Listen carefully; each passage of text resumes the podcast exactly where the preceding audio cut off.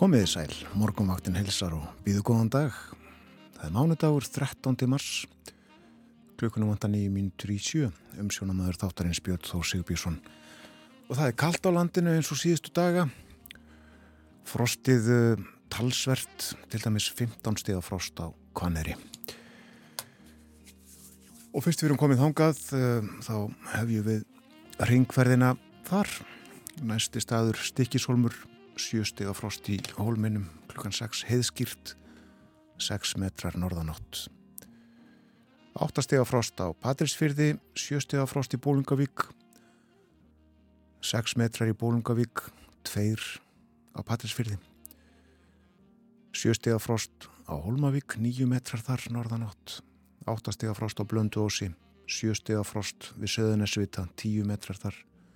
14 stega frost á Akureyri snjóaði á Akureyri klukkan 6 nánast logn. Sjöstega frost á bæði Húsavík og Rauvarhöfn áttastega frost á Skeltingstöðum nýjustega frost á Eilstöðum skíja þar sunnan þrýr metrar. Nýjustega frost á Höfni Hortnafyrði og áttastega frost á Kvískerjum 12 metrar þar. Tólstega frost á Kirkjubæðaklaustri nýjustega frost á Stórhauða í Vestmanægum 17 metrar þar fóri 23 í mestu kviðu 13 steg af frost í Árnesi norðustan 3 og 9 steg af frost í Reykjavík létt skíjað 7 metrar. Þetta eru kuldatölurnar frá því fyrir 50 mínútum og uh, þessar tölur eiga við um byggð kaldara í óbyggð um 19 steg af frost til dæmis á sandbúðum 18 steg af frost á hverjaföllum En þá er það horfurnar og við nefnum fyrst að uh, það eru gular viðvaranir í kortinu fyrir uh, Suðurland og Suðausturland og ná norðvestan kvassviri eða stormi. Já, uh, norðvestan kvassviri eða stormur á östfjörðum 15 til 23 metrar og aðstæður geta verið varhugaverðar fyrir aukutæki sem taka á sig mikinn vind, svo sem flytningabíla og uh, enn kvassara jáfnvel á Suðausturlandi, norðan kvassveri þar 15 til 25 metrar, búa smá við snörpum, mjög snörpum vindkviðum við fjöll, staðbundið yfir 33 metrum á sekundu í öðrafum og austan öðrafa. En uh, spáinn annars svona norðan 8 til 13 en norðvestan 15 til 23 á östfjörðum og sunnan vatnajökuls samfelt snjókoma á norðaustur og östurlandi fram eftir degi en annars jél á norður helmingi landsins. Bjart með köplum suðvestan til og frostið í dag 2-14 stig. Og þá er það skeiti frá vegagerðinni hálkaða snjóþekja og jæljagangur nokkuð víða á vesturlandi þó að mestu greiðfært á þjóðvegi 1 það er þæfingsfærð á fellströnd og það er snjóþekja og skafreiningur á steingrinsfjörðarheiði og á þröskuldum og þar er einnig jæljagangur hálka eða hálkublettir nokkuð víða á vestfjörðum þó greiðfært að mestu á sunnaverðum vestfjörðum.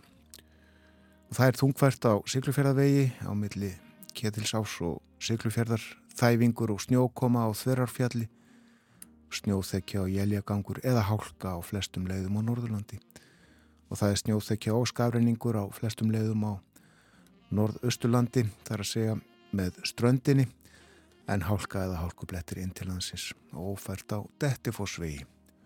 Það er ekki í fyrsta sinn. Við förum betur yfir uh, veðrið horfurnar í dag og næstu daga og eftir og uh, fylgjumst með ástandi á vegum landsins. Setjum fyrsta lag þáttarins þennan morgunin, morgunin undir nálina. Hér er eh, hljómsett Finns Eidal og Óðin Valdimarsson syngur.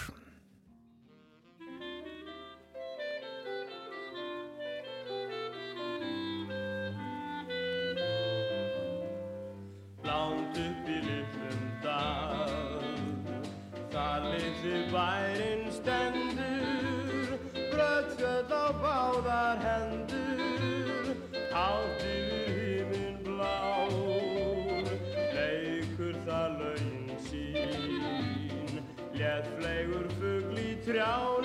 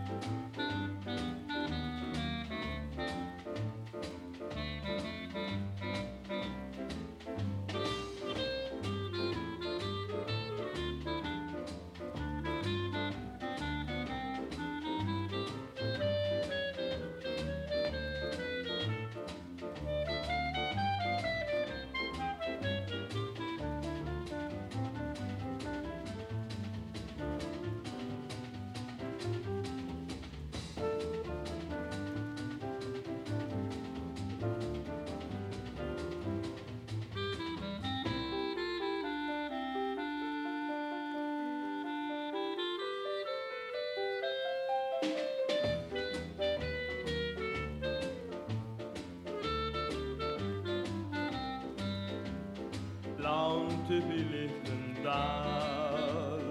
Þar litli bærin stendur Brött fjöld á báðar hendur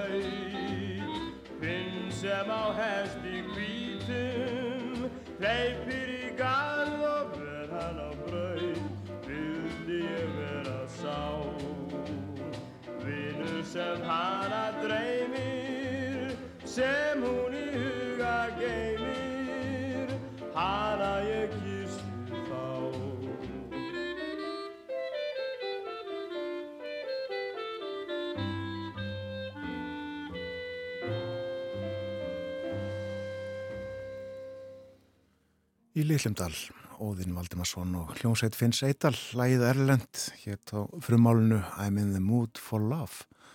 En í Lillumdal á íslensku Jón Sigursson gerði þennan íslenska texta. Það líður að frettum, það er komið eftir rétt rúma mínútu á slæginu sjö. Við förum ítalega yfir dagskrá morgunvaktarinnar þennan morgunin að frettum loknum lítum í blöð og ímislegt fleira.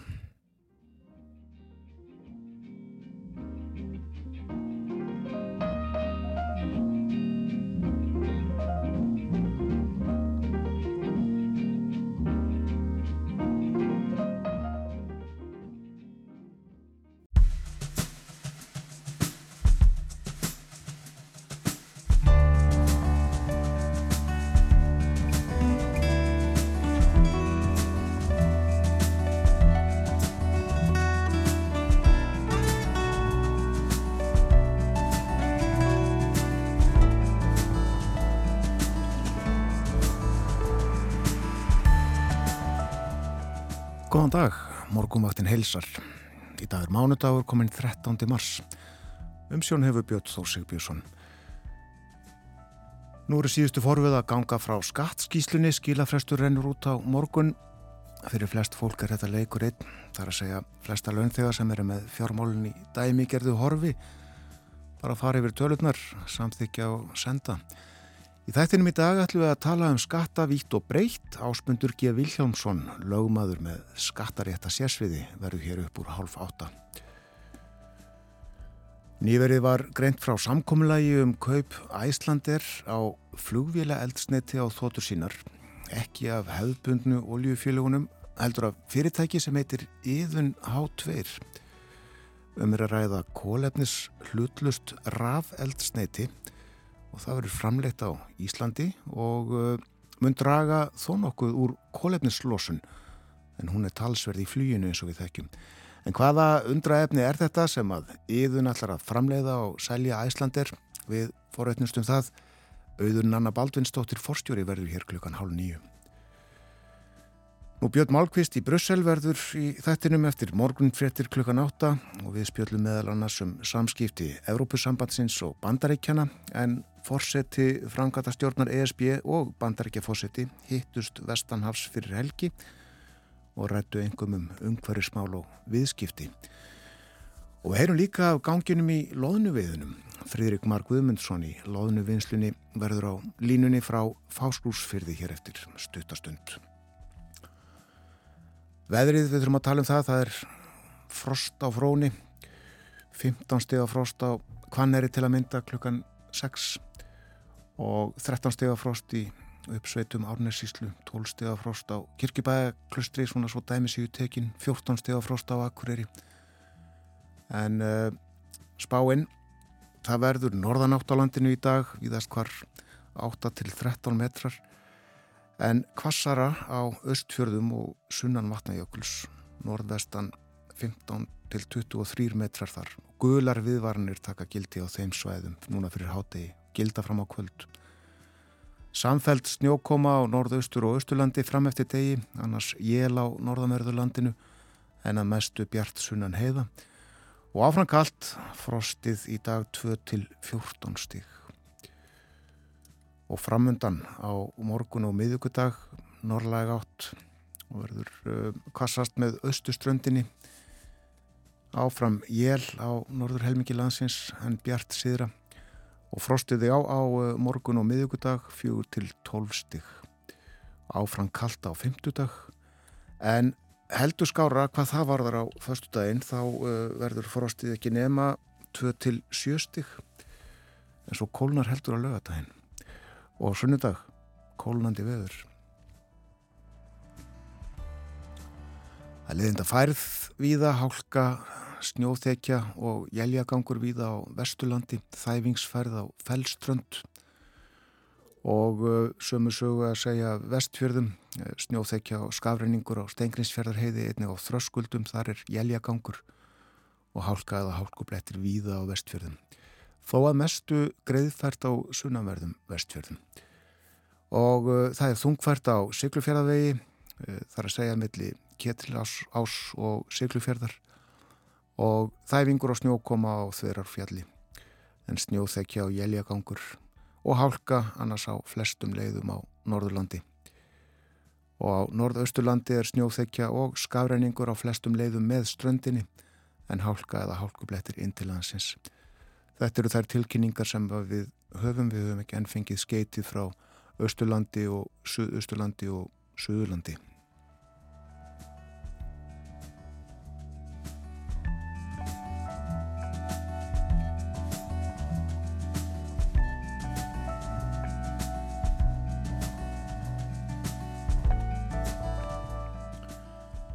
lítum á fórsíðu morgunbladsins fórsíðu myndin tekinni í lögardalshöllinni í gerð þar sem Ísland lagði tjekklandað velli í riðlakefninni í Evrópumótinu í handbólta og það með nýju mörgum allt annað að sjá liðið heldur en í fyrirleikliðana úti í tjekklandi fyrir helgi.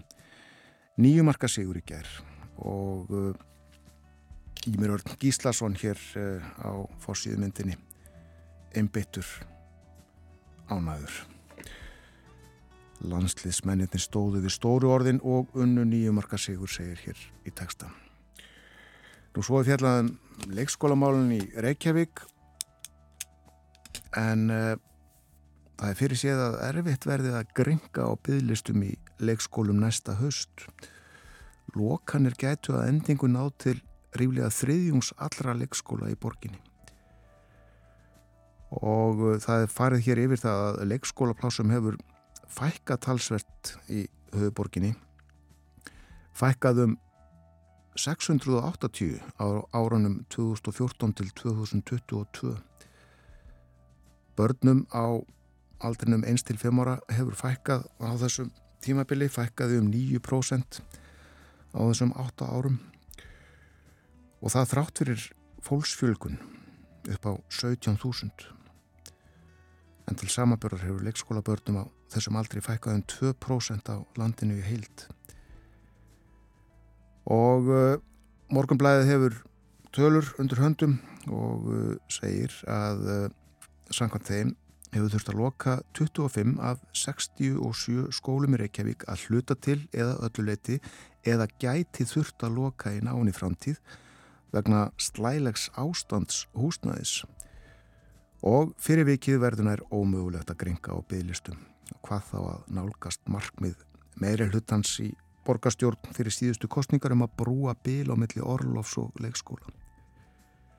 Og það er rætt hér við Ernu Guðlóksdóttur, hún er leikskólastjóri Hagaborgar í Vesturbæi og segir það stefnir í að yngsta barni sem við getum tekið innverði tveggja og hálsás og rætti líka við mörtu Guðjónsdóttur borgarfulltrúa sjálfstæðisflokk sem segir yfirvofandi er algjört neyðar ástand og grípa verður til aðgerða strax. Inni í blæðinu er rætt við Árilíu Eitisi Guðmundsdóttur borgarfulltrúa framsorgnarflokksins, hún er formaður skóla og frístundasviðs og segir við höfum í rauninni verið þeirri stöðu í vetur að opna ný plás en senda þar enn börn úr leikskólum sem hefur þurft að loka til að brúa bylið. Þessi vandamál eru að koma upp á stöðum sem mann hefði ekki grunað fyrirfram að, og er stundum hissa. Við erum hins vegar að fá þetta í fangi núna að hluta til er þetta vegna ófyrirseðura aðstæðna en að hluta til vegna ónóks viðhalds. Fórsíða morgunblæsins. Óskarsverlunin voru veitt í Los Angeles í bandaríkjunum í nótt á okkar tíma og uh, myndin sem að uh, fekk flest verlun heitir Everything Everywhere All at Once og uh, um hvað er hún? Jú, kínverskur innflytjandi í bandaríkjunum frú Wong þeysist inn í klikkað ævintýri þar sem hún er einn færum að bjarga heiminum með því að kanna aðra alheima sem tengjast lífum sem hún gæti hafa lifað. Þetta er lýsingin á þessari mynd og uh, hún hlaut uh, flesta óskara já uh, og uh, farið yfir þetta á uh, frettamiljónum á netinu, til dæmis á rúf.is og uh, það er nú helst dreyið fram að Jamie Lee Curtis fekk Óskarsverlun. Hún hefur verið lengi í bransanum eins og sagt er og verið tilnæmt til Óskarsverluna uh, einu snið eða tvísvar áður. En uh, hlaut verlunin núna fyrir uh, auka hlutverk í þessari mynd Everything Everywhere All at Once og eh, ég fann eh, hér eh, hljóðklippu frá hátíðinni í nótt skulum hlusta Jamie Lee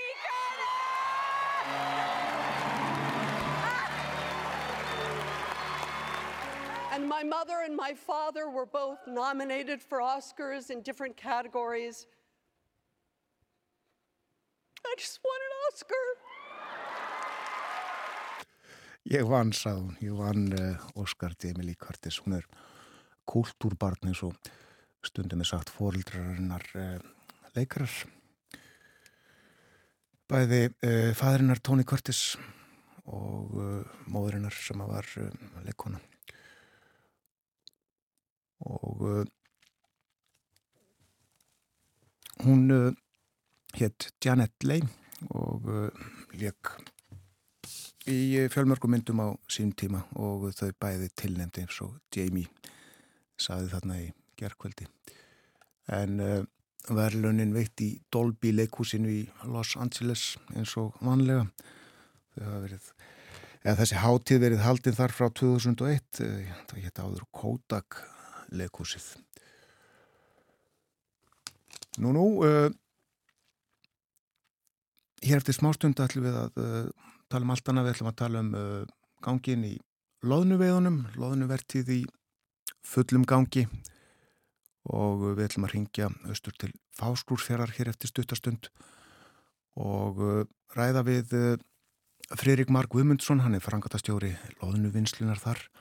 En förum fyrst í sjóferð uh, við siglum um höfin sjö á báti draumana með uh, Ölmu Kókan. Þetta sem sé lagið uh, Dreamboat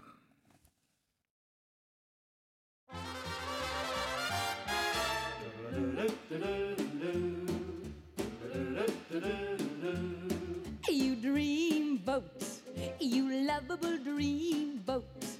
The kisses you gave me set my dreams afloat.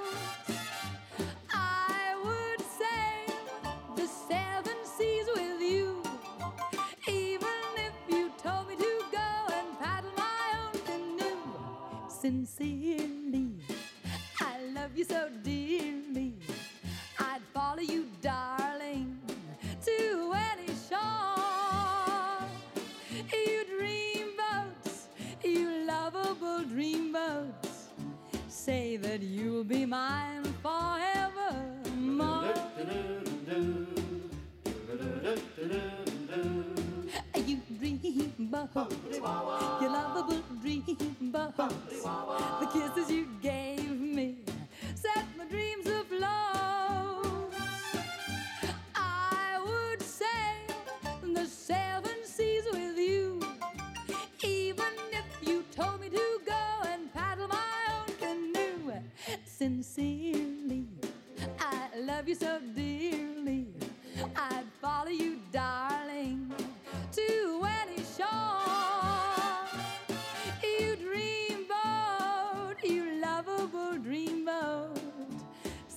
said, You'll be mine forevermore.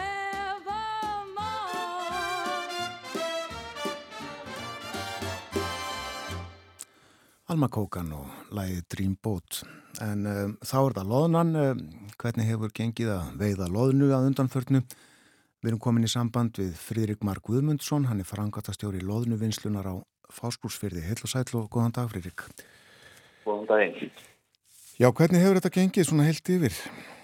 Það er nú, það er alltaf að segja að þetta gengið ótrúlega vel. Það er alltaf búið að vera frábært veður. Það er nú, það er nú ekki alltaf þannig. Í fyrra var mjög leiðilegt veður á þessum tíma. Þannig að það er, það, það er svo betur verið þannig að það hefur verið ótrúlega gott veður. Já. Og, og, og veiðin hefur bara verið mjög góð. Og hrognartaka hefur gengið mjög vel. Ljómandi loðna sem sagt. Já, Er hún annars misjöfn milli ára? Svona ástandið á henni? hún er mjög stór og í fyrra var hún mjög dreifð í torfum og erfitt að ná henni hérna, og, og eins þetta veður sem ég nefndi og, en í ár verðist hún vera í, í stórum og miklum torfum og, og, og mun auðveldar að ná henni. Já. Hvar er hún núna? Nú er hún að hún var við Reykjanesi í gær en, en það er svo leiðenda veður þar núna í augnablikinu og þannig að ma maður sér að bátunir eru núna komnir inn í inn í breyðafjörð og það, það var torfa þar. Þannig að hún uh, fer á milli og uh, skipin elda. Já, hún er raunverulega bara í göngu munstri og, og hérna og er, er, er svona það eru, það torfur sem koma segna inn á svæðið og svo framvegis. Já. Hvað eru mörg skip að við? Allir sé ekki um svona þau eru bara upp undir 20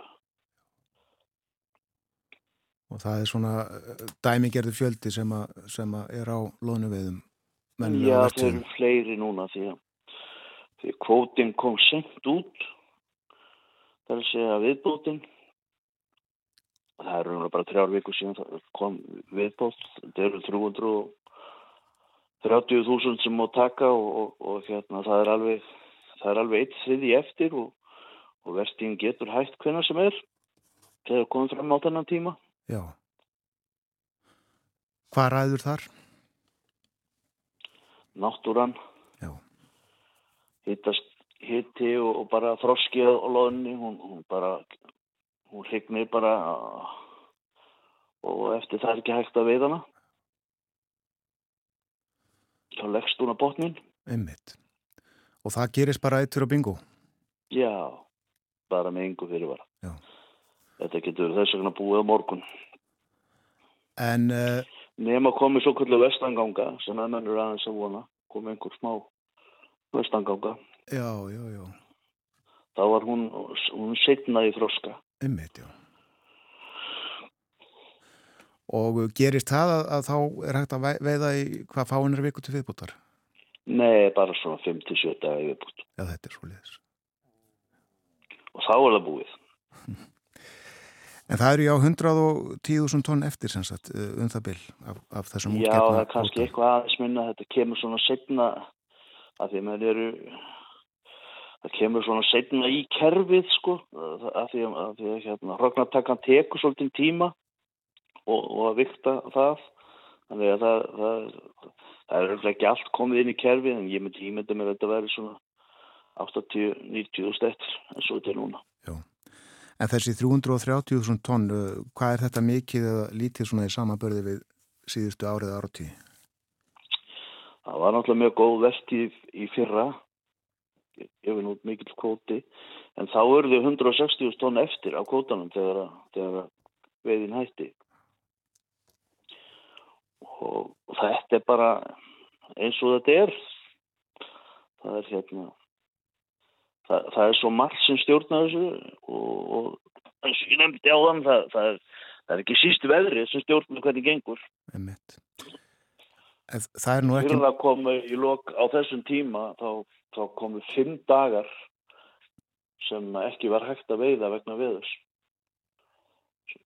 Við höfum bara 14 daga í þessu ragnartöku og, og ef, að, ef að hérna fimm dagar fari í veður þá er bara nýju dagar eftir En það hefur verið hægt að veiða alla, hægt að veiða alla dagana núna.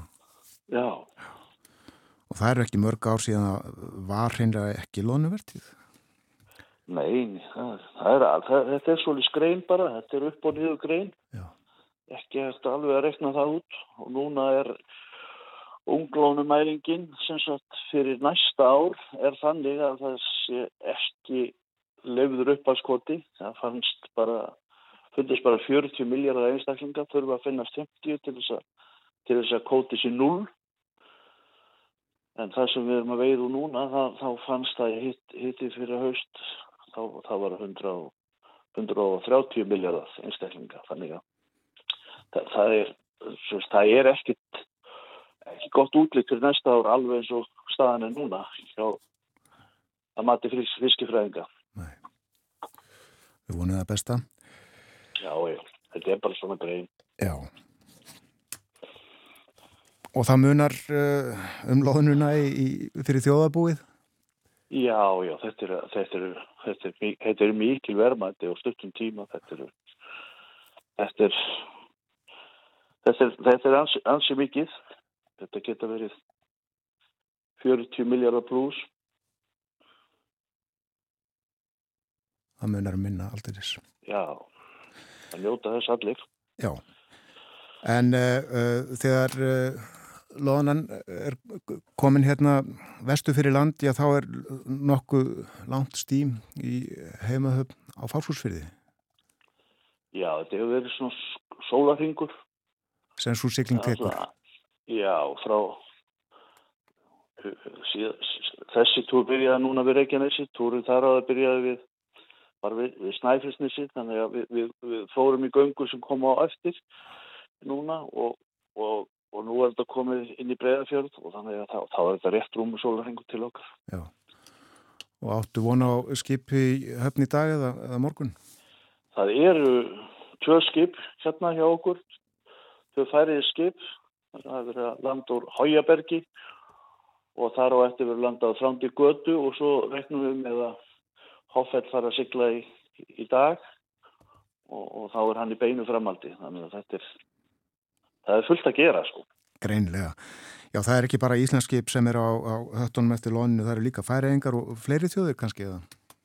Ég grænlendingar geta veitt líka Já, það eru einhverju samningar um þetta. á þessum tíma, já. Normenn voru hér en, en meg ekki veiða eftir 22. februar Já, já. Og fáum við þá að veiða í þeirra lögsögum í staðin? Nei, nei, þetta er alveg sérstakki lónusamningar. En það, blandast ekki neitt annað inn í það. Það er með það. Uh, þetta var svona uh, að mestu af stöðumála á miðunum, en, en uh, hvernig er í vinsluhúsunum? Er líf og fjörð þar líka á lónuvertið? Já, já, það er búið að vinna núna í hrögnatök hjá okkur í stanslaust í einhverja tól daga, nótt og dag. Og tvískipta vaktir þá eða? Já, já, já, já. Og allir Í hressir? skurði, í pökkun. Og fjöldi fólks í, í húsunum? Ég, það er bara röfumlega, við, við erum með svona 50 manns í þessu 60 Já, í þessari vinslu allri. einmitt. Hvert eru svo afröðna seldar? Að mestu til Asíu. Róknir að mestu seldi til Asíu. En vísu yfir á, á aðra markaði líka. En mestu til Asíu. Og- Það er bara, það er þetta Japan og það er Suðu Kórea og, og það er Tævan og, og það er Kína og það er Tæland og, og svo framvegis. Já. Og verði gott? Nú vitum við það ekki en þá. Þannig að það fer eftir hvað er mikið ma- magn framleitt í landinu. Það verður framleitt mun meira magn heldur en í fyrra, sínismanni. Af því að geftir hafa verið svona góðar. Það er ekki samið um það fyrirfram, verðið. Nei. En, en hérna, svo móti kemur ef ekki lónverti á næsta ári þá, þá styrkir það stöðuna líka. Já. Akkurat. Þarf að hafa fyrir sölunu á, á lónurhóknum eða barist um þetta? Þetta er nú bara fyrirtækin eru með sína viðskiptavinni svona mestu ár eftir ár. Og hérna, já.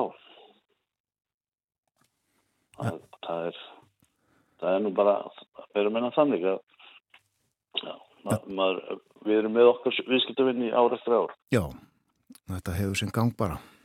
já, já Við uh, sjáum uh, hversu lengi þessa veið að standa en hvað tekur svo við hjá okkur í, í lónuvöslunni? þá tekur bara vennileg bólfiskursla sem við erum alla daga í friska þorsk í svöfsa og hérna já, Þetta það er er það vennilega sem við erum að gera akkurat. Þetta er allt með svona tiltölu hefðbundum hætti. já, já, já, Einmitt. Þakkaði kærlega fyrir spjalli Friðrik. já, gerðu svo vel Blessaður. sömulegis Friðrik Mark Guðmundsson er frangatastjóri loðnuvinslunar á Fálsúsfyrði. En veiðis loðna, en uh, hver lengi viðbútt, já það er algjörlega óvíst, svo getur lokið á morgun eða eftir fáina daga. Það líður að frétta yfir liti hjá okkur á morgunvaktinni. Gemur á slæginu hálf átta og eftir það ætlum við að tala um skatta.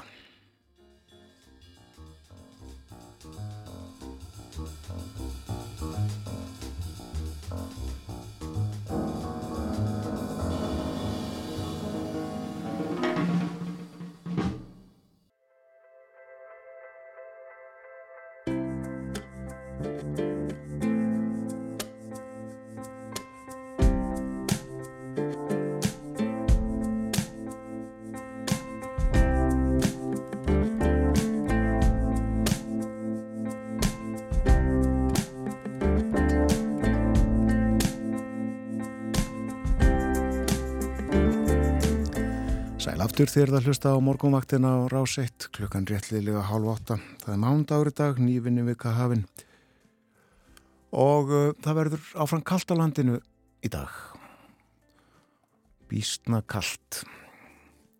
Frosti 2 til 14 stig og uh, það verður kvast á östfjörðum og líka sunnan vatnajökuls ganga þar guðlar viðvarnar í gildi núna með morninum samfelt snjókoma á norðustur og austurlandi fram eftir degi. Og ég fór nú yfir þetta hér fyrir morgun, um, það verður um, fjöra til tólstiga frost á morgun og miðugudag, áfram kalt á fymtudag, tvekja til sjöstiga frost á föstudag, svo kólnar á lögadag, kólnandi veður á sunnudag.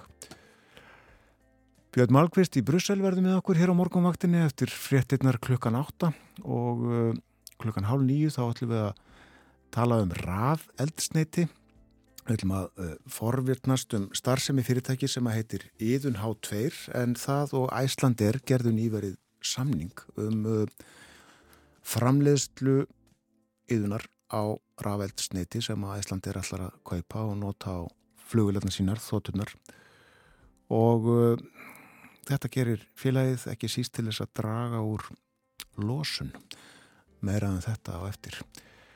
En nú að öðru frestur til að skila skattframtali fyrir síðasta ár rennur út á morgun, hann er sjálfsagt til uh, 23.59 annað kvöld. Þetta frekar einfalt nú í setni tíð en ég man þegar þetta var heilmikið mál og útemti yfirlegu og útrekninga og pappísflóð. Hér hjá mér er Ásmundur G. Viljámsson, hann er lögmaður og sérfræðingur í skattarétti og hann hefur stundu komið í þáttinn til að tala um skatta. En auk þess að fást við skattarétt hefur ásmundur kentuðfræði og skrifað nokkrar bækur um efnið. Og nýútkomin er kennslubókin Skattur á menn sem er næstum 1000 blaðsýður og það er kannski til merkis um hversu snúin þessi mál geta verið þóttu þau hafi verið einfölduð fyrir okkur framtæljendum að ekki dugi minna en 1000 blaðsýður til að kenna fólki einstaklings skattarétt og þarfyrir utan eins og skattur og fyrirtæki og alþjóðlegur skattaréttur og sjálfsagt eitthvað fleira sem að lögfræðingar og endur skoðundur þurfa að kunna skil á. En velkomin í þáttinn ásmundur. Takk að kjalla fyrir, Björn, að bjóða mér. Já, við ætlum að tala Vítt og breytt, en uh, áður en við ræðum um skattkerfi hér og hvernig það virkar og hvernig það hefur þróast þá langar mig að fara með þér aftur í aldir. Sko, hvar og hvenar urðu til vísar að þeirri sköttun sem að nú almennt týðkast? Nú það eru til upplýsingar um skatta alveg aftur til fornaldar, svo má segja, eh, hjá Egyptum og, og Gýðingum, eh, 3000 fyrir, fyrir Krist börð og nú þannig að skattar hafa eh, svo að segja vikingist frá ómenna tíð það held ég að segja engin, engin spurning það er bara spurning hvernig, hvernig þeir hafa verið innlemdir og, og krafðir. Nú ef við förum aðeins inn í nútíman maður veit í sjálfsög ekki hvernig þessir fornaldar skattar voru úr gardi gerðir. En það er, er aðeins betri mynd komin á þetta e, þegar við, við hérna, komum að, að, að 1800 Já, þá kemst ölliti betri mynd á þetta og, og við erum með upplýsingar um skatta sem, sem enski alsmaðurinn William Pitt beitsi fyrir 1789 og eh, var svona þrepa ker- kerfi og, og sem nota var til þess að reikna út og leggja á skattana. Sko, teikuskatturinn á þessu tíma var, var út af þessi hugsaður sem einskiptis skattur. Hann var ekki viðvarandi skattur af þýrleitin til. Ásettur engum og sérlega í þeim tilgangi að afla fjár í þessu tilviki vegna kostnar sem Napolíustriðin höfðu fyrir breyta. Þannig að þegar, þegar þau voru um garði gengin þá var meiningin að skatturinn er feltu niður en svo, svo var nú ekki skattar er einhvern veginn þess eðlins að þeir hafa, hafa tilningu til þess að, að vera til staðar eins lengi og engin villi, svo að segja. Nú, allavega um 1700 þá, þá fara skattarnir að, að hveða sér hljóðs, teikjurskatturinn þar, þar að segja og hann kemur til Danmörkur kringum 1850 og síðan upp til Íslands 1877. Þannig að 1877 setjum við okkur fyrst, ok- okkar fyrstu teikjurskatslög. Þetta voru seldi sérstaklega því leitin til að skattur á, á fjármannsteikjur var harrin á launinteikjur og atvinnuteikjur. Og það var auksett með vísandi þess að, að skatturinn af fjármannsteikjunum það, það, það, það væri e- einfaldar og auðveldar að afla þeirra en launumteknana og, og, og hérna atvinnuteknana. Þess vegna væri eðlilegt að fjármannsteikjunum bæri harri skatt en launþegarnir. já, já. Nú þegar þessi lögur endur skoðu 1921 þá, var þessi þingri skattbyrði á fjármannsteikjur látin halda sem upptöku eignaskattsins. Þannig að eignaskatturinn er í rauninni en þótt að, að það hafi verið lögfestu bara eins hérna sama skattlutfall fyrir alla, alla laun þegar það er borguð þar segja sömu skatt á og, og hérna fjármannsegjandunir og fjármannsegjandunir sama skatt og launþegarnir þá, þá var eiga síður þessi mismunur á skattbunni látin halda sér í eignaskattinu. Nú, eh, 1921 var, var sem sé stefnan mörguð og hef, hefur síðan svona að mesturlega bara verið látin halda sér í, í, í gegnum tíðina. Já. Þannig að teikjumskatturinn þessi sem settu var 21 he, he, er bara merkilega lífsugur. Það er svona, við höfum ennþá grunninn að, að því fyrirkomulagi sem að, tekja var upp þarna fyrir 100 árunum stíð. Jú, einmitt. Það er rúmlega mér að segja. Aðrar breytingar eru bara svona náttúrulega seglis. Það er eins og að gamli skatturinn var lagður á af skattanemdum. Það var einn skattanemd í hverjum reppi og ef við myndum okkur að, að þrýr menn hafi verið í skattanemdin þá gerir þetta um þúsund manns sem voru að sísla með skatta og skildur á ákveðin tímbili og var mjög skatt en að peningafrekt, þetta var mjög dýrt kerfi sem um síðleitt þess að skattarendurna voru lagaðar af og, og skattstjóra embættin tekin upp og við munum öll eftir þeim, það var skattstjóri í Reykjavík, skattstjóri í Reykjanesi, Hafnafjörði vegna Reykjanes, Hellu, Vestmannegar og, og svo framvegis. Þannig að, En, en svo aftur í dag er búið að leggja niður skatt uh, síslu ennbættinu, skattstjórnana, þeir eru ekki lengur til, þannig að og það helgast bara tölvæðingu kerf, kerfisins, það er einfaldar að leggja á en áður, þannig að skattstjórnarnir máttu þar að missa sín. Nú þurfum við bara eitt skattstjóra. Nú þurfum við bara eitt skattstjóra og, og einundu kerfið er að þróast áfram á, í, með svipöndur og, og hérna þannig að og maður getur kannski sett spurningamerki við það hvort það sé askilegt að það sé bara einn maður sem er allt í senn skattstjóri, einumd stjóri ríkisins skil, skiluru það, maður ætti kannski að fara svolítið valið í sækinnar og, og, og að því að með þessu móti eru óægilega mikil völd farð á hendur eins aðila Já. og það kann að svona uh, það er eðlilegt að mann spyrir sig hvers vegna Einmitt. og hvort að því stafi einhver hætta þó ég sé ekki halda því að svo sé en, en ég myndi allavega að staldra, staldra við og spyrja mig er þetta kannski það sem þið viljum eða ekki Já. Nú um það, eh, við greiðum alls konar skatta já, og sumir heita skattar, Einmitt. annað sem við borgum heiti gjöld, akkurat svo við tolla svo sem líka. jú, jú.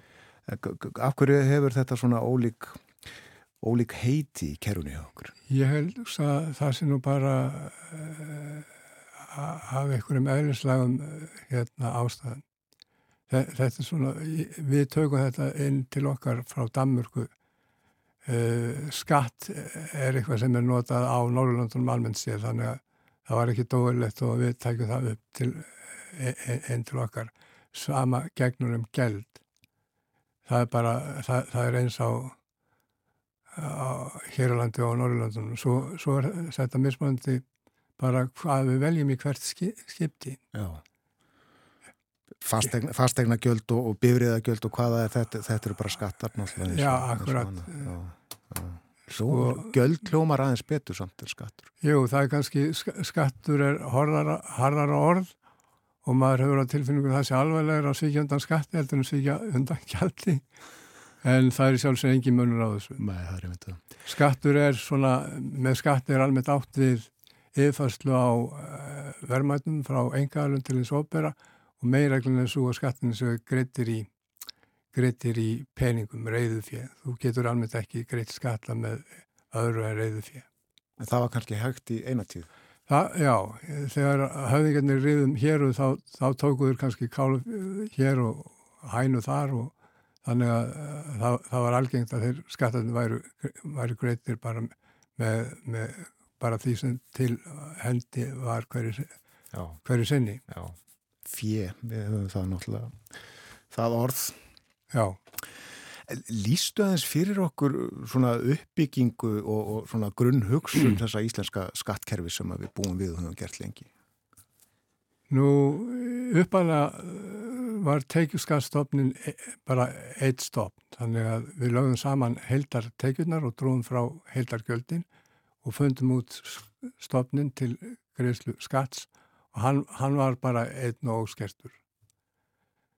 Uh, svo þró- þróast þetta uh, sko það að þú eigir möguleika á að draga frá draga kostnar og tekjum flækir svolítið skattkerfið gerir það dýrar en ella þess uh, væri best að væ- væri engin frádráttur það væri bara hægt að leggja á brúttotöluna uh, með venjulegum hætti Já. og þe- þangað hefur íslensk skattkerfi verið að þróast í gegnum tíðina. Við uh, vorum, uh, 21 vorum við með eitt gjaldstofn, eitt skattstofn, en núna eru skattstofnarnir þrýr.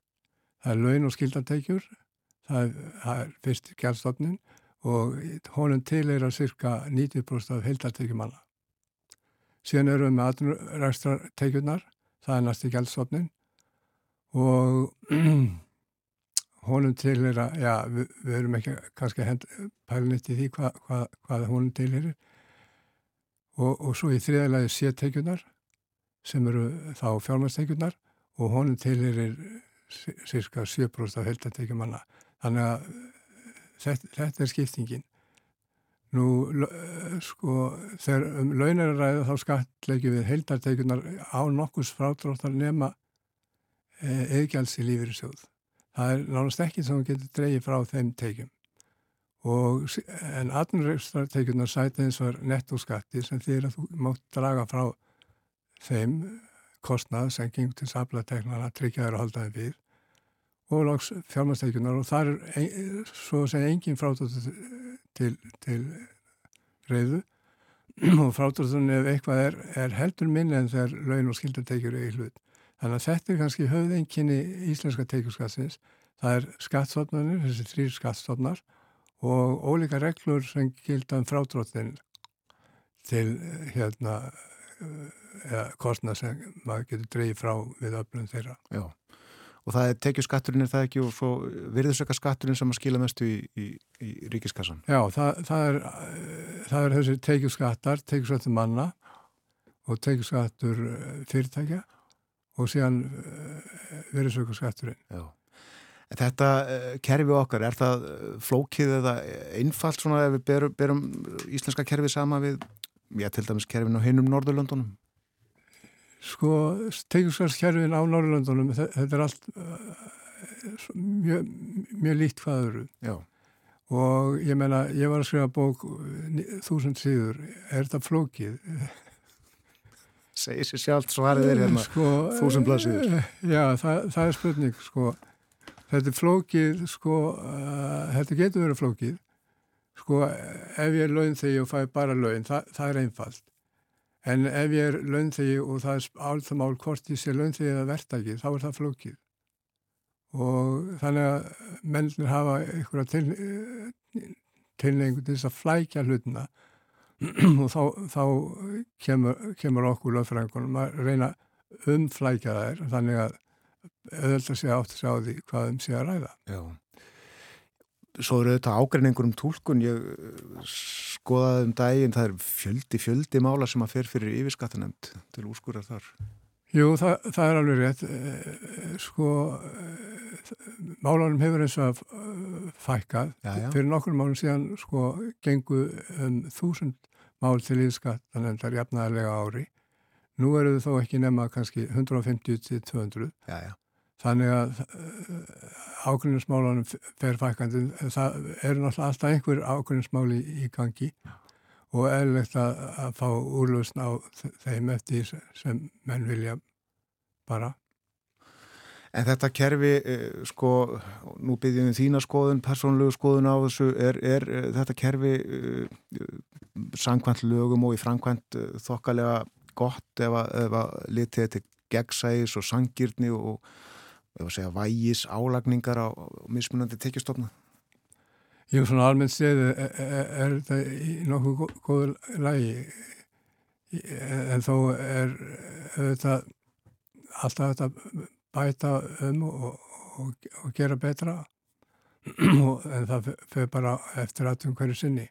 eins og ég gætum þá var fjármastikskatturinn harri í, í gamla daga en hann, hann er í dag menn uh, sömur hverjir vil telja en núna er hann hins vegar lægri og það stafa bara af, af þessum aðstæðum í þjóðfélaginu ef skatturinn er hár hér þá við búa menn taki eigninar sínar úr landi og komið mundan skattin sem sagt er viljum við það og þess vegna eru eiginlega nöðbyggð að hafa skattin lægri en ella. Já.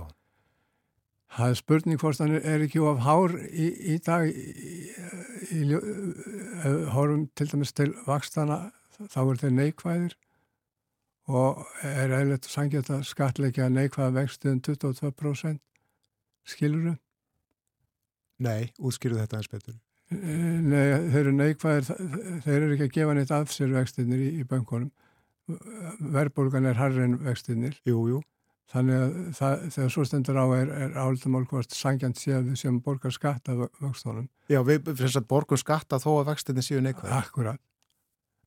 Þannig að, að það er eða menn setja spurningamerki við það. Kannski ættu við lakka fjármannsteikjurskattina af vöxtum. Nú er að móti að hækka fjármannsteikjurskatt af arði eða ofurhagnaði þegar um þegar um slí, slíka tekjur er, er að ræða. Já, það er stundum er talað núna um kvalreikaskatt. Einmitt, kvalreikaskatt, það, það, það er ekki dóðilegt þó að menn velti því fyrir sér. Vegna þess að í mörgum tilvíkum byggir skatturinn þá þegar svo stendur á ekki, ekki á vinnu hlutendaglega heldur þeirri ákvörðun að takmarka að, eða sókn manna í um, umrætt verðmætt eins og fiskikóta og þess að þar. Akkurat. Þeir svona vin, svona vinna í haptrætti og vinningar í haptrætti eru skatlaðir eins og laun hvers nætti það sami ekki gildaðum ofurarðin eða ofurhagnaði þegar svo stendur á. Já. En hvað heldur annars um uh, svona afstöðu fólks til þessa? Uh, greiðu við skattan okkar með tiltölulega glöðugiði? Já, ég held að það sé almennt þannig. Ég held að menn séu ánæður með að borga skattin og þessi ánæði, hún eikst ef eitthvað er að menn fá á tilfinninguna eða fyrir hvað þeir eru að borga og hvað þeir fá í staðin fyrir, fyrir skattin. Ma, maður á ekki út af fyrir sig að vera svo mikið að æsa sig yfir því hvort skatturinn er hárað eða lár, heldur hvað maður fær í staðin. Þú farð ókepis mentun, þú farð nokkur neginn ókepis heilbríðisjónastu. Þannig og, og, og ef maður er ánað með, með það, þá er maður að vera æsri yfir skjóttunum. Akkurat. En þetta er orðið bísna einfalt að, að ganga frá uh, framtælinu. Uh, hérna, þú færð útfyllt tölvurskjál og, og það er bara að opna það og skoða það og samþykja. Einmitt, það, það, það getur alltaf verið einfaldara. Þetta er náttúrulega búið að taka sem tíma, vinna við þetta kerfi hófst kringu 1990 og hefur því svo undið fram bara á þokkanum hraða verður að segjast. Þannig að, að ég hugsa að í framtíðinni verði, verði sköttunum skila á grundillir svona framtals bara að fullu. Eru aðrar þjóður komnar jafnlangt og við í þessu? Já, það, það er, er svo misvosti Norrlöndin, það kann að vera að það sé eitthvað lengra í, það hjá öðrum þjóðum eins og Spátn og Fraklandi en, en þetta er allavega svo farvegu sem við höfum kosað okkur og, og er, nok, nok, er, er svona almennt á Norrlöndunum. Já, veistu með einhvern sem að sakna gamla fyrirkomlagsins? Já, í það minnst að ger ég, ger ég það ekki. Það, það var ætið slegist um þetta á mínu heimili þegar verið var að telja fram hvers vegna erst ekki með upplýsingur um þetta og hitt og brygslinn er yngingu mann á milli þannig að ég og þetta allir jável vinarslítum eða ósætt í fjölskyld og hvað er en það er presnulega afstæði. Já, akkurat. En já, uh, aftur að þessari bók, nýjútkomnu uh, kennslibók, skattur á menn, áður hefur skrifað um, um skatt á fyrirtæki eins og ég sagði aðan. Jú, og bók sem heitir Íslenskur alþjóðlegu skattaritur. Já, er það eitthvað eftir eða ertu búin að þekja? Allt? Já, nú er ég búin að þekja sko skattsystemið. Ég er búin að skrifa um skatt á fyrirtæki og svo skatt á, á menn og, og hérna, alþjóðlega skattaritt. Þetta eru rít sem hægt er, er að nota næstu tíu árin við skattekenslu við háskóla landsins.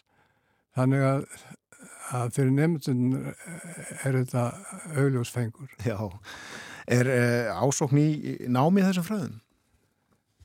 Það er alltaf sko ásókn í, í, í námi skattarétti. Þetta er kent bæði í lögfræði og viðskiptafræði.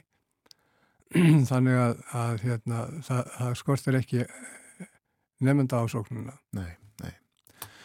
En uh, rétt hér í blá lokin að skattalögunum, er það ekki þau lög sem að hvað oftast er breytt? Jú, það er alltaf verið að breyta skattalögunum og, en, og það helgast bara því að, að þau eru svo, eru svo tengd sko atvinnulífin og þess og þar. Það, það er reynd aðlægt að þau þess á, á hverjum tíma. En jáfnveg þó að alltaf sé verið að breyta skattalónum þá eru þarna ákveðin hluti sem haldist af ábreytti frá 1921. Það er enda svolítið. En svo til dæmis rekstra kostnaðar hugtæki, hvað má draga frá öflun tekna í atunröstri og svo framvis. Það ákveðið er búið ábreytt frá 1921 og, og, og jáfnveg en, en lengur af því að þetta er svona norrænt hugtæk sem kemur til Íslands frá Danmörku sem tók út af frá normönum þannig að þetta er eiginlega 200 ára gammalt hugtak Já. þannig að við skiltum taka ofan uh, í virðingu fyrir, fyrir því. Akkurat. Framsýni menn sem að settu þetta inn á sín tíma. Já, Þakkaði fyrir að koma ynga á morgunvaktina ásmundur og spjalla vitt og breyttum skatta. Er þú búin að skila þinni skíslu? já, ég er búin að því. Já, bara broskall og senda. Já, ég svona var að uh, velta því fyrir mér hvort að broskallin ætti að fara með ekki og, og spurning hvernig Snorri myndi taka því ef ég gerði það. Ég, ég ákvaða eftir að vera búin að hugsa það að sleppa honum. Snorri Olsen skattstjóri. Þakkaði Kelja. En uh, já, hægt að skila framtalinu til uh, miðnættis á morgun þriðudag. Ásmundur G. Vilhjálmsson er lögumæður og sérfræðingur í skattarétti. En framöndan eru fréttir, þar kom eftir fimm minútur. Eftir fréttirnar verður Björn Mánkvist fréttamaður í Brussel með okkur, segir okkur tíðindi þaðan.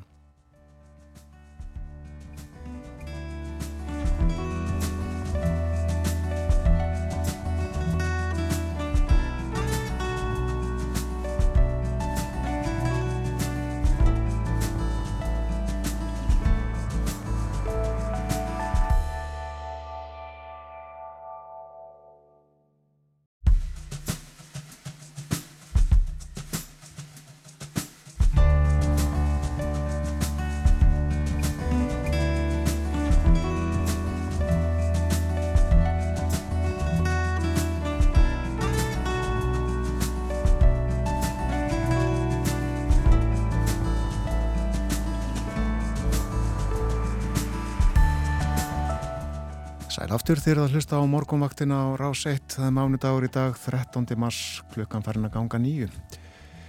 Hér á eftir ætlum við að forvitnast um fyrirtæki, eh, tiltulega nýtt, það heitir Íðun H2 og eh, það gerði nýverið samning við Æslander, ætlar að selja Æslander eldsneiti. Raf eldsneiti. Hjá mér verður auður Nanna Baldvinsdóttir forstjóri þessa fyrirtækis. Hún uh, segir okkur frá þessu, þessari framleyslu, þessari, þessu fyrirtæki. Og uh, við tölum um uh, umhverfismálinn, þetta að uh, draga úr losun. En uh, nú ætlum við hins vegar að uh, tala um önnumál, komum kannski inn á þessi umhverfismál. Við erum komin í samband við Björn Malmqvist, fréttamann í Brussel. Heitt og sæl og góðan dag.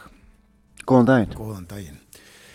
Já, uh, umhverfismálin, uh, það voru frétti núna fyrir helgi er það ekki, var það ekki á, á uh, förstu daginn sem að fórseti Frankværtarstjórnar Európusambandsins fór til bandaríkjana og hitti Biden fórseta. Jú, það er rétt. Uh, Ursula von der Leyen, hún var á fundi með Biden í, á fyrstu daginn í Kvítahúsinu og það snýrist vissulega um málefnin sem að, eins og þú nefndir, tengjast umhverfismálum, en kannski líka svona, eigum að segja, stóru sko, svona viðskipta tengslin milli Európusambands eða milli aðaldaríki Európusambandsins og, og bandaríkjana. Aðaldaríki ESB hafi í talsvert langan tíma haft áhyggjur af mjög viðamikilli lögjöfum umhverfismál og annað sem að bandaríkjastjórn kom í gegnum þingið í Washington á síðasta árið. Þetta er, þetta er, þetta er lögjöf sem að kent reyndar eru við aðgerið til að draga úr verðbólgu, Inflation Reduction Act, sem var sett í ágúst í fyrra. En hún gengur líka út á að, að veita semst, mjög mikla ríkistyrki og, skattfríðindi fyrir, fyrir ramagsbíla, fyrir fjárfestingar í vistfænum orkugjöfum og uh, þetta snýst mjög mikið um sko, hvernig uh, stjórnvöld í bandaríkjunum uh, vilja hafa hyggla, að, að hyggla bandarískum fyrirtækjum og fyrirtækjum í, í, í ríkjum sem að hafa sko sem að hafa frívæslanarsamlinga við bandaríkin gagvart þessu. Já. Evropasambandið og aldaríki þeirra kannski aðalega Þískaland og Frakland sem eru kannski svona yðin reysarnir hérna megin við Allandsafið hafa bent á þetta skekki samningstöðu þeirra uh, fyrirtækja og, og sumir hafa gengið svo langt að, að, að segja með þessari lögjöf sé bandaríkjastjórn að taka upp vendastefnu en það er eins og bætin og Leyen hafi ákveðið að svona slíðrasverðin og finna leiði til að bæta stöðu evróskra fyrirtækja á þessum markaði vestan hans. Við slum heyra hvað Leyen hafi að segja þegar hún kom að þessum fundi með bætin á fyrstudaginn. I think for us it's very important that on this topic we join forces because it is crucial for our future, uh, for fighting uh, climate change and limiting global warming. So for us was and is important that we join forces, that we are complementary, that we boost the respective clean tech industry on both sides. sem sagt mikill sáttatótni í, í fondi lægin. Já, akkurat. Og þau uh, rættu þessi mál uh, já, fram og tilbaka og, og var það einhver niðurstaða? Já, sko, það var nú einlega svona, eins og ég segi með slíðrasverðin, sko, það var nú einlega svona svo niðurstaða að, að þau ákvaðu að opna á viðræður um hvernig Evrós fyrirtæki getur komist inn í hennan pakka sem að er í bandaríkjunum, hennan stóra pakka, þetta snýst núna miklu löti um ráefni og svona aðflutningskeður ráefna eða málma sem eru notaðir í raflöður rámaspíla sem að þurfa í rauninni núna að samkvæmt þessum lögum að koma frá bandaríkjunum eða ríkjum sem að, að bandaríkjun er með frívæslarsamning við. Það er semst gildir ekki um Evrópusambandi, það er ekki frívæslarsamningur í gildi millir bandaríkjana og Evrópusambandsins. Það voru viðraður um það fyrir nokkur mánu síðan en þeim var nú heila hætt á meðan að Trump var í kvítahúsinu. Þannig að þessa viðræður sem var, ákveðinur á förstu daginn eiga sem stað, sem stað opna á þetta fyrir evrósk fyrirtæki. Þetta er, þetta er svolítið teknilegt en þetta er eins og að stór mál fyrir Evrópusambandið og, og fyrirtæki þar. Svolítið teknilegt segir þetta er eiginlega mjög teknilegt trú ég. en það hangi kannski fleira á spýtunni?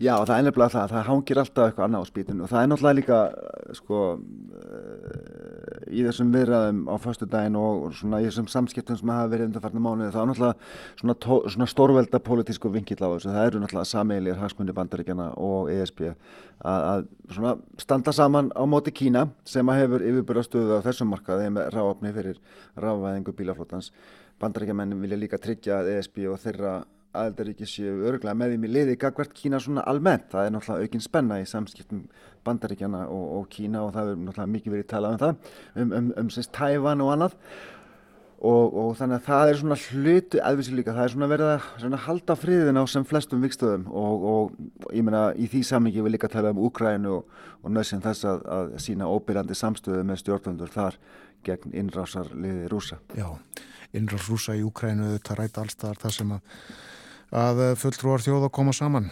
stjórnvöld en uh, það stýttist í er það ekki fund uh, leiðtoga aðaldar í Kjærúpa-samansins hann er hvað í vikunni eða þeirri næstu?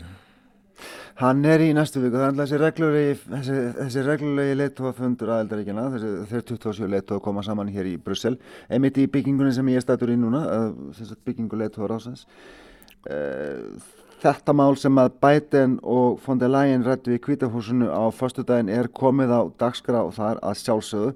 Það má gera ráð fyrir því að leittóarnir fjallu um þessar niðurstöðu fundar, fundarins og, og, og já, tja, ég voru að segja, leggji mögulega sína blessun hefur það og stefnu sem er búið að taka. Það verður líka talað um Úkrænu eins og alltaf og, og það verður vendalega að tala þar um svona nöðsinn þess að, að halda áfram stuðningi ekki síst hvað var það sko skotfæri sem að umræðan um, um hérna hernaðastuðning snýst nú um þessa dagana gagvart, Úgrænu. Já og það eru uh, nokkrir íslenskir þingmenn á leið til Strasburgar það eru þetta uh, mikið samband uh, hérðan við ímsastofnanir í Evrópu og nú halda sem sagt nokkrir þingmenn til Strasburgar á fund með sameiginleiri þingmann nefnd Evrópu þingsins og EES ríkjana. Hvaða nefnd er þetta eiginlega og hvað gerir hún?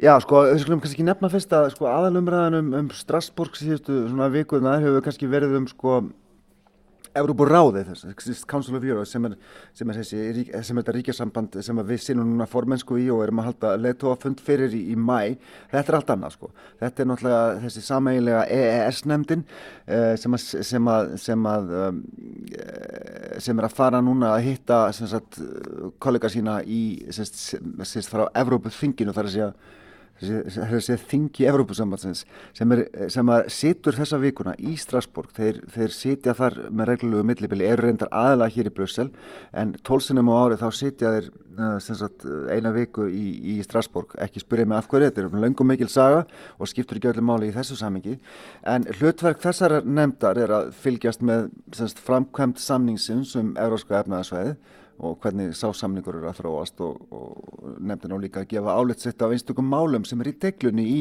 í samningnum. Þessi fundu verður á miðugudag og femtudag, mér, minnir að fimm þingmenn að heiman uh, eru í nefndinni sem að, sem að, sem að sittur þessar tvo daga.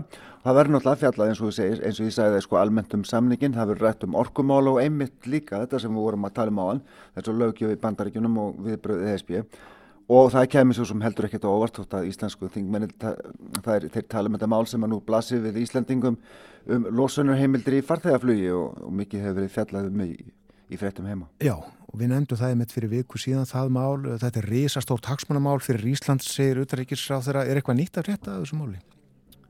Í, sko, hérna frá, nei, í sjálf og sér ekki uh, en, en, en það er kannski enginn fyrða að þingmennið tala myndi í nefndi vegna þess að á endanum kemur þetta sko inn á borð EES þetta er bara að matla hér í stjórnkerfunu í Brussel, manni heyrist reyndar svona að, að það séu ekkert gríðarlega mikla líkur á því að Ísland náðu fram breytingum á þessum reglum sem er alltaf í rauninni búið að samþykja hér uh, þótt að mikið það hefur verið reynd til þess, þetta er alltaf búið að vera gríðarlega mikið og stórt eins og nefnir hagsmunamál og mögulega kannski eitt af stærstu, stærstu málunum sem að sendir á því hér og hagsmunageslu með nokkar í Brussel hafa fengist við síðustu árin.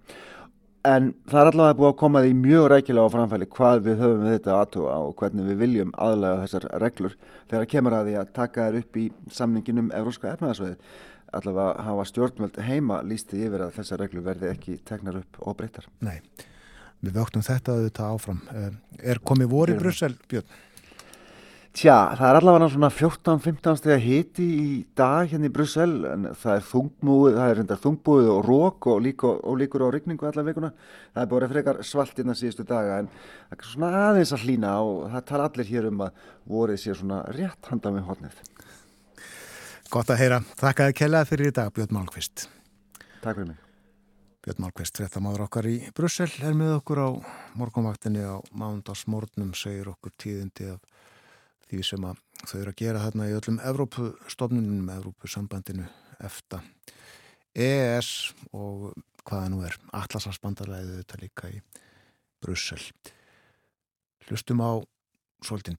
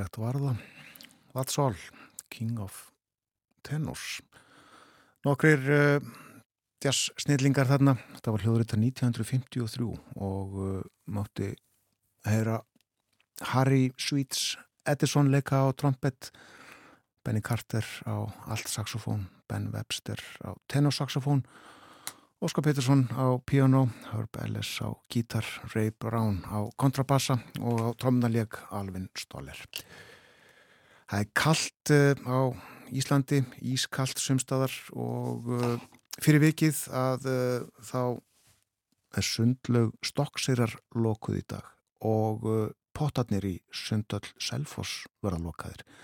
Líka barnalög á útísvæði þetta segir tilkynningu frá sundlögunum í Árborg. Innilögar hins vegar opnar í sundhöll Selfoss ásamt útisundlöginni, einbaði og uh, sánu. Hægt sem sagt að synda úti á Selfossi en ekki fari heitu bótana.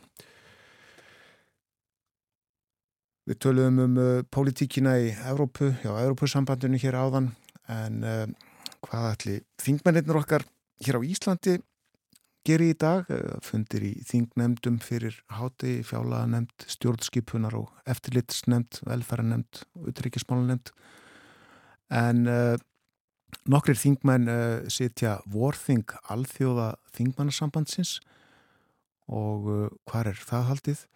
Jú, í Bahrein og þar eru sem sé Berglind Ósk Guðmundsdóttir, Jóhann Friðrik Friðriksson og Sigmundur Davíð Gunnlaugsson eru í Bahrein frá 11. til 15. mars taka þátt í störfum alþjóðas þingmannasambandsins þar en uh, þingfundur hefst klukkan þrjú í dag og uh, fyrsta mál og undirbúin fyrirspurnutími og svo fer fram sérstök umræða um björgunar getu landhelgiskeslunar og þar er málsæfi Andri Singi Jónsson og uh, dónsmálaráþra Jón Gunnarsson til ansvara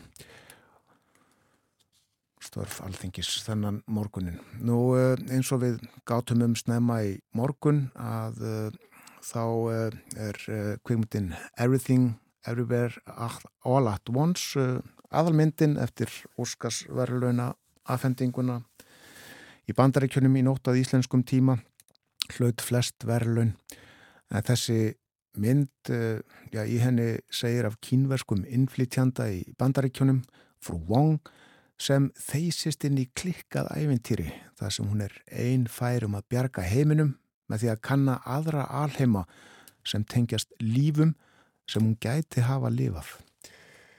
Áhugaverður sögutráður aldalis. En Jamie Lee Curtis hlaut verlun fyrir hlutverk sitt í auka hlutverki í þessari mynd Everything, Everywhere, All at Once. Og ég leik hér fyrir morgun klippu sem er að finna á internetinu sem að það sem að heyra má þegar hún tekur við verðlunum og, og hún kynnt inn sem sem handhafi þegar við skulum hlusta á þetta aftur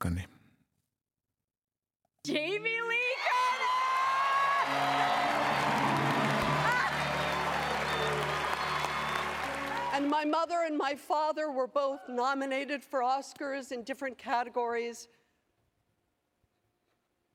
I just won an Oscar. Jamie Lee Curtis hefur leikið í fjölmörgum myndum verið lengi að eins og stundum er sagt Við förum yfir veðurhorfur dagsins fyrir fólk sem var að vakna Hugleðinga veðurfræðing svo hljóðandi í dag verður norðan 8 á landinu viðast hvar 8 til 13 metrar en á östfjörðum og sunnan vatnajökuls verða norðvestan 15 til 23 metrar á sekundu og gular viðvaranir taka gildi á þeim svæðum fyrir hádegi og það er gilda fram á kvöld. Samfeld snjókoma á norðaustur og austurlandi fram eftir degi, annars jél á norðanverðurlandinu en að mestu bjart sunnanheiða, áfram kallt, frost í dag á bylinu 2 til 14 stíg og á morgun verður frostið 4 til 12 stíg, það verða þá áfram jél á norður helmingi landsins en bjartviðri siðra.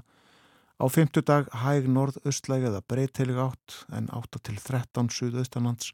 Snjókoma um austamertlandið en lengst af bjart vestan til og áfram kallt á femtudaginn og á föstu dag suðlæg átt, bjartað mestu, dáli til úrkoma vestan til, hiti 0 til 4 stig sunnan og vestanlands en annars frost 2 til 7 stig.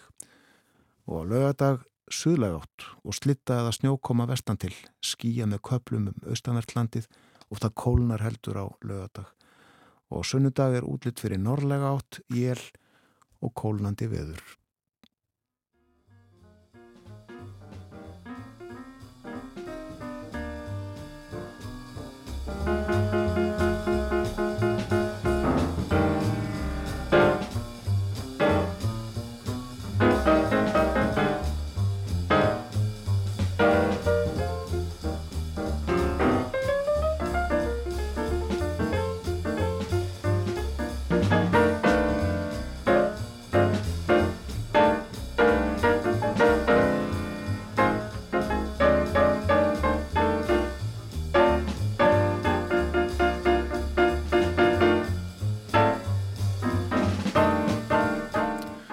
Saði hérna áfram frá uh, verðlunum Everything, Everywhere, All at Once. Ég held að það er staðið út af hjá mér að geta þess hver mörg verðlun myndin hrefti. Þau eru sjö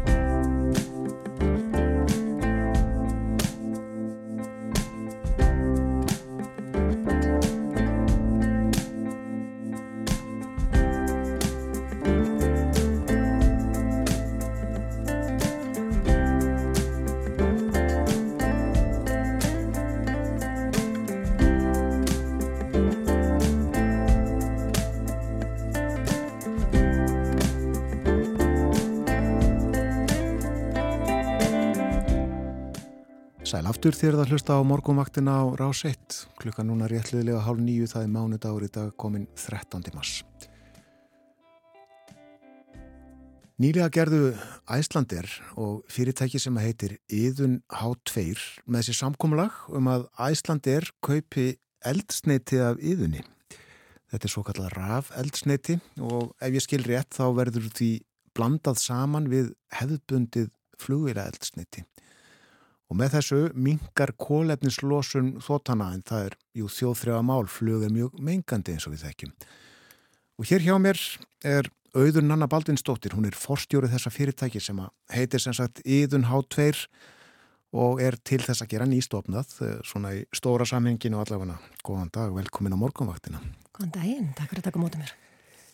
Við ætlum að spjalla vitt og breytt um þetta uh, og það ber að nefna að það eru enn fimm ár, er það ekki í að þið affendið Æslandi er fyrstu lítrana eða tonnin af, af þessu eldsneiti? Jú, þetta er þetta, fló, flókið og, og, og verkefni og, og margt sem að þarf að gerast til að við getum farið að vinna, farið að framleiða eldsneiti. Já, já. En ég er svo óþólum og það eðlisfæri, ég, ég skil ekki hvað við erum að gera þessi fimm árin, það er náttúrulega búið að, að sína mér nákvæmlega skrifin og, og ég trúi því svo sem alveg það er búið að lista þetta svona upp fyrir fram á mig en, en mig, mig langar að þetta til þess að bara byrja á, helst á morgun sko. Segð okkur frá þessu fyrirtæki eh, sem að heitir þessu sérkjænlega nafni Íðun H2. Íðun er, hún er uh, giðja endunhjönar, þess vegna fannst okkur þetta alveg uh, svakalega flott nafn.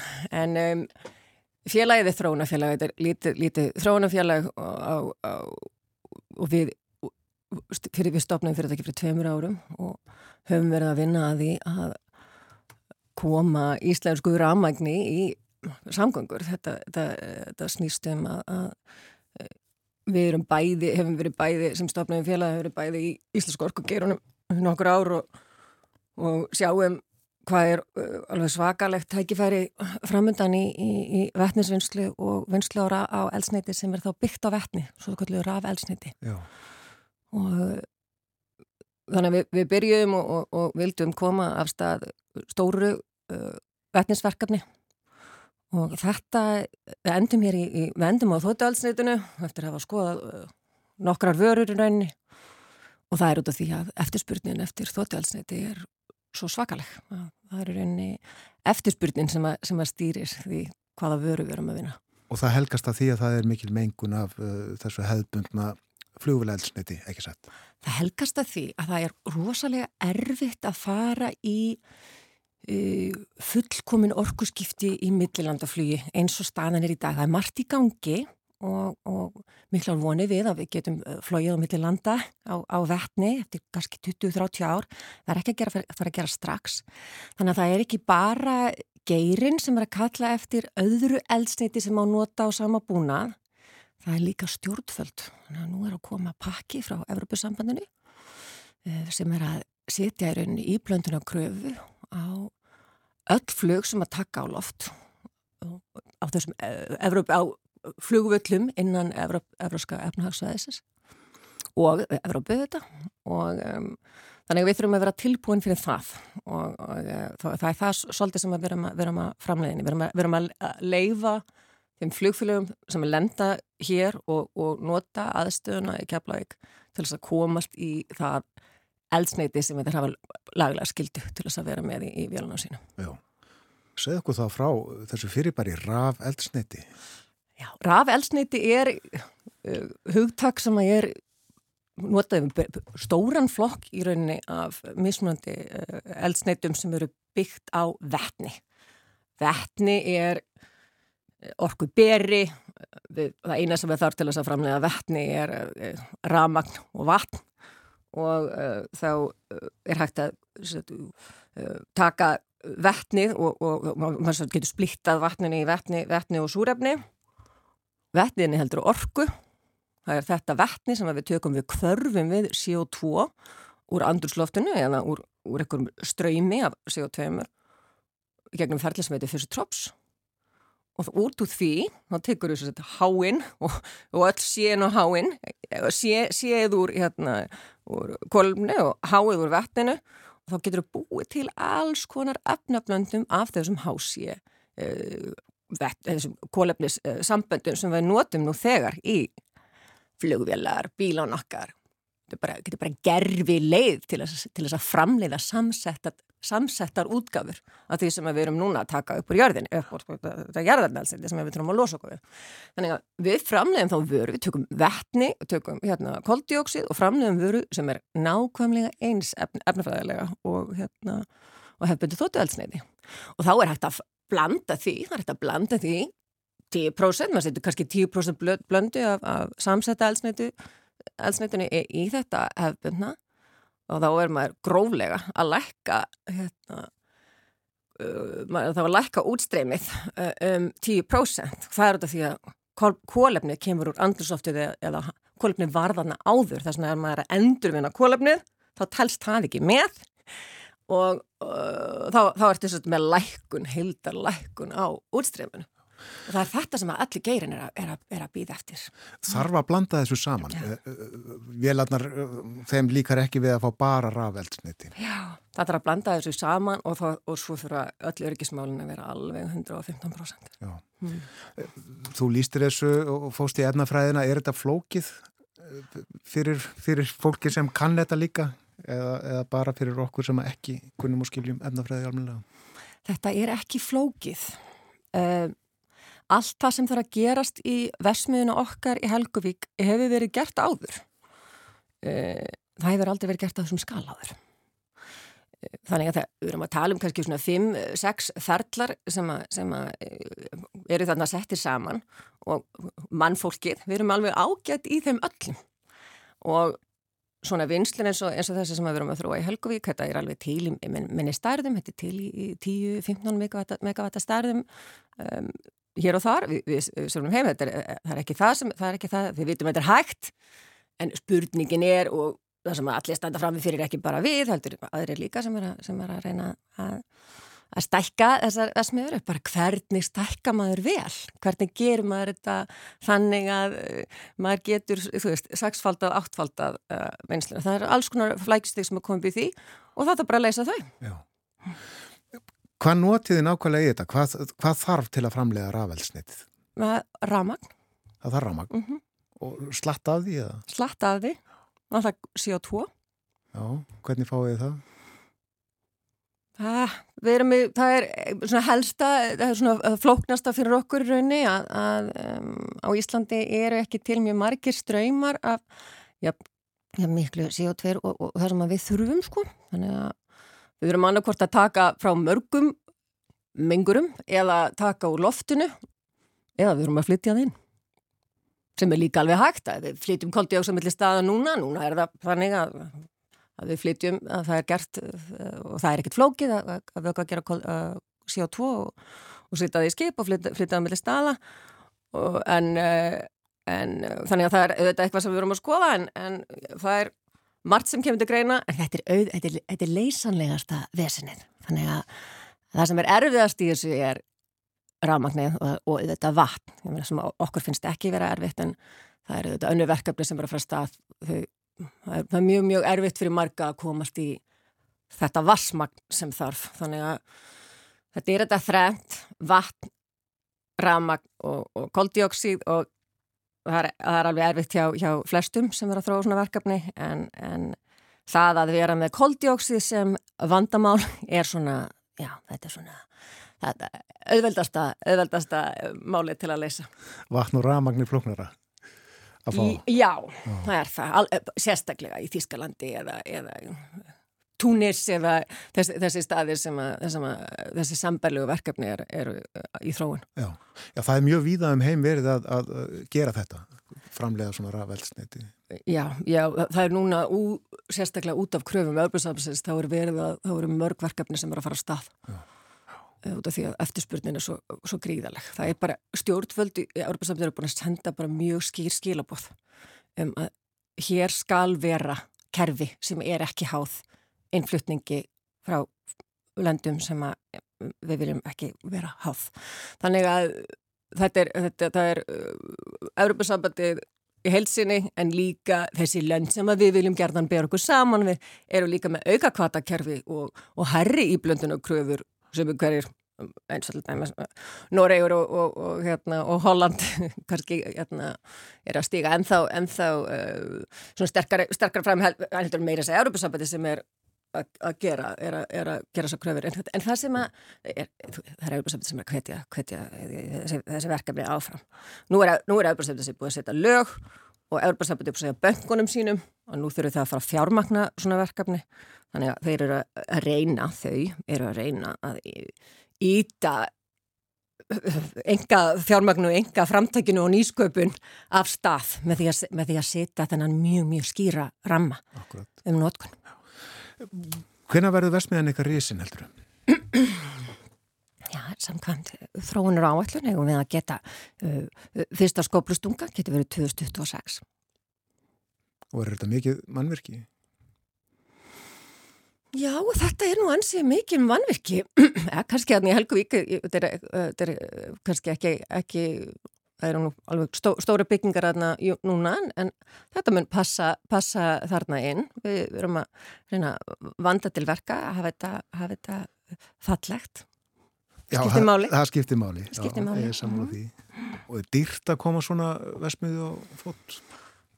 Já, þetta er svona, þetta er svona 100, 100 miljardar verkefni, 120 miljardar kannski. Þetta er, er stort verkefni. 120 miljardar? Já. Ég er ekki í einhverjum smá, ég er ekki í einhverju demoverkefnum. Ég er ekki, ég nenni því ekkert. Nú erum við bara, erum við bara komin í vandræði og nú erum við komin í stöðu það sem að lofslæðir að kalla eftir alvöru skrefum. Það er engin í, hérna, það er engin í lofslæði sem að vinna við lofsasmál sem er að, er að hvetja til þess að við stöldrum aðeins við og, og hugsum aðeins máli. Allir, allir sem að vinna við þetta vita að við erum alls ekki að gera nóg. Þannig að til hvers að gera eitthvað í tíu megavettum þegar að það þarf að gera þetta í 300. Og ég, og núna erum við, við stefnum að þessari stærð 300, þetta er, þetta er ekkit endanlega stærð, en það er bara, fólki finnst það að vera svo stórt, en, en ég veit vel að við getum gert þetta ennþá stærra, við getum selta allt saman. En það er kannski ekki eitthvað sem er að fara að ganga upp á Íslandi, þannig að við erum að reyna að vera aðeins hóflegri, en, en mér finnst þetta 300, bara, það er bara lámarki, fyrir mér sko. Og þið og Æslandir gerðu þennan samning núna bara í síðustu eða þar síðustu viku og, og þetta er alltaf að fara á stað. Þið ætlaði að framlega er það ekki eða selja allavega Æslandir las ég rétt 45.000 tonnar raf eldsniti á ári. Já, 45.000 tonn. Þetta leifir þeim að fara í 10%. Já. Sem er alveg svakalega metnaðfullt og langt umfram það sem hefðarflöfusabættir að kalla eftir. Já, það er einmitt það. Þannig að það er, teimiðin í Æslandi er, það er sko bæði einlægur vilji og alveg vel upplýst fólk og fólk þar er, það ætlar sér að, að, að ná árangri. Og það er þannig, þannig fólk sem er alveg ofsalega gott að vinna með og því það er það er með það sem er okkur langar til þess að gera líka. Já. þannig að þau þekkja þetta inn og út og þau vita að það er mjög erfitt að nálgast svona endurnýjanlegt þóttuöldsniti annar staðar. Og þau eru það heppin Hérna, fyrirtæki sem er náttúrulega bara búið að gera út á að vera á alveg svakalega erfiðum stað fyrir, fyrir flugfélag. Hugsaði hvernig þetta var hérna þegar, þegar þessi, þessi karlar er að byggja þetta upp á síminn tíma. Því lík já, þetta er alveg svakalega metnaðvöld og, og svo er bara, það er bara búið að byggja upp þessa, þessa svakalega starfsemi með mikill framtíðarsýn og hugrekki og framkvæmda þóri og það er nákvæmlega það sem þau eru að gera og núna er hún, það er mikið margt sem að, hérna, að vera á þessari eigu en sem betur fyrr þá er þetta eitt besti staður í heim til þess að framlega þú dölsneiti. Þannig að um að gera þetta, nú geta þeir, nú sjá þeir að það er hérna frónafélag sem, sem að skilur þeirra þarfir og, og, og vill framlega veru sem, sem að þau þurfa og þau eru bara besta stað í heimi til þess að gera það. Þannig að Við erum rosalega ána með hennan samling og ofsalega ána með þetta samstarf og, og hérna, núna þarf að vanda þetta verka og passa að, að við gerum allt rétt til þess að geta klárað á réttum tíma og, og, og fara að gera almenlega, taka almenlega skref í, í orkurskiptum í flugi. Þetta fættur allt saman uh, vel. Uh, er framsýnin meiri hjá Æslandir heldur en flugfélögum almennt? Ég ætlum ekki að segja það en það er náttúrulega bara... Uh, bara stabilt og stort flugfélag með, með eh, kannski eh, getu til þess að vera með sér hafa starfsmenn og, og, og í, í nei, ég, það vilja allir eldsnitið og að, þú veist, öll flugfélagin sem, sem að nota eh, sem að nota flugvellin og flugvellin sjálfur Ísafíja Ísafíja þarf líka Uh, er með ákveðna skildur til þess að tryggja að, að, að, að flugfélag komist í eldsneiti sem er bundilög eða verður bundilög þannig að um, við verðum alltaf, við getum aldrei farið að stað nema við séum að tryggja að allir fá að mæta sinnilega skildu. Það verður að vera þannig og verður að vera þannig fyrstu árin bara til því eftirspurnættu vörun er svo gríðarleg að það er ekki hægt að ætlast til að, sé, að þetta verður bara flutt inn af því að allar tölur og allir sem er að fylgjast með framlýslu á þóttueldsneitinu sem, sem að eh, uppfyllur kröfur Európa-sambansins, við veitum að það verður ekkert nóg. Við veitum að það verður ekki nóg þegar að krafan tekur gildi þannig að það er ekki hægt að ætlast til. Það, svarið, við flýtjum þetta bara inn, það er ekki mjög, það er ekki raugrætt svar. Það er allir að, allir að leita. En í ljósi þessa alls að hún segir, eh, standa stjórnvöld á bakvið ykkur með ykkur um hætti og styðja? Sko, sko, mér finnst allt samtalið mitt við stjórnvöld hefur alltaf verið rosalega gott. Ég, ég uh, alveg, get alveg tekið undir það að það má gera meira en uh, núna er bæði, ég finn fyrir vilja og núna er uh, búið að setjast að nefnd sem á að einmitt að skoða orkuskipti í, í millilandaflugi og, og það er mjög gott. Uh, það er kannski ekki komið veist, einhver auka krafa eða einhver sérstakt kvatakerfi eða, eða neitt slíkt en, en, mér finnst alltaf því að ferin í bæðin í ráðanetti og, og stopnarnar á Íslandi þá mæti ég alltaf fólki sem að vil gera vel og er að reyna sitt, sitt besta Eh, við erum bara lítið land og hér eru bara fámenn ráðinnitt og það er ekki hægt að ætlast til að allir séu sérfrængar í sjálfbæri þóttuelsniti og kröfinni, þetta er bara, þetta er alveg, þetta er, þetta er stór málaflokkur, orkusskiptin.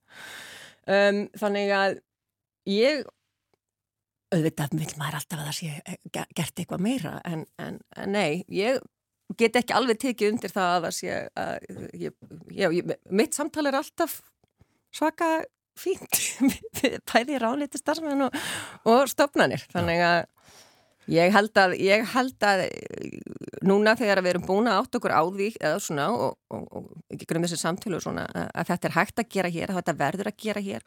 Markaðurinn er tilbúin og við höfum aðverðunar til þess að, til þess að geta gert þetta. Þá þá held ég að, að það verður bara 100% stuðningur um, um, við, við verkefni og nálgunum okkar Það eru gaman að fylgjast með ykkur uh, fimm ári að þið uh, afhendið fyrsta farminn af raf eldsneitinum. Þakka þið fyrir komin að gangi ykkur vel. Takk helga fyrir.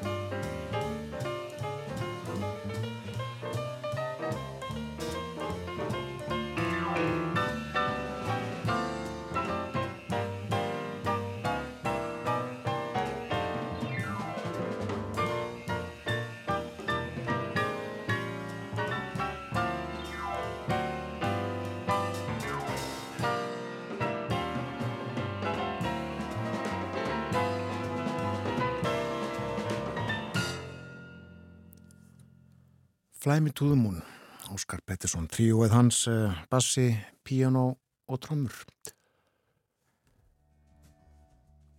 Það komið að loku morgumvaktarinnar þennan morgunin þetta var þáttur hára fjárhæða er hægt að segja.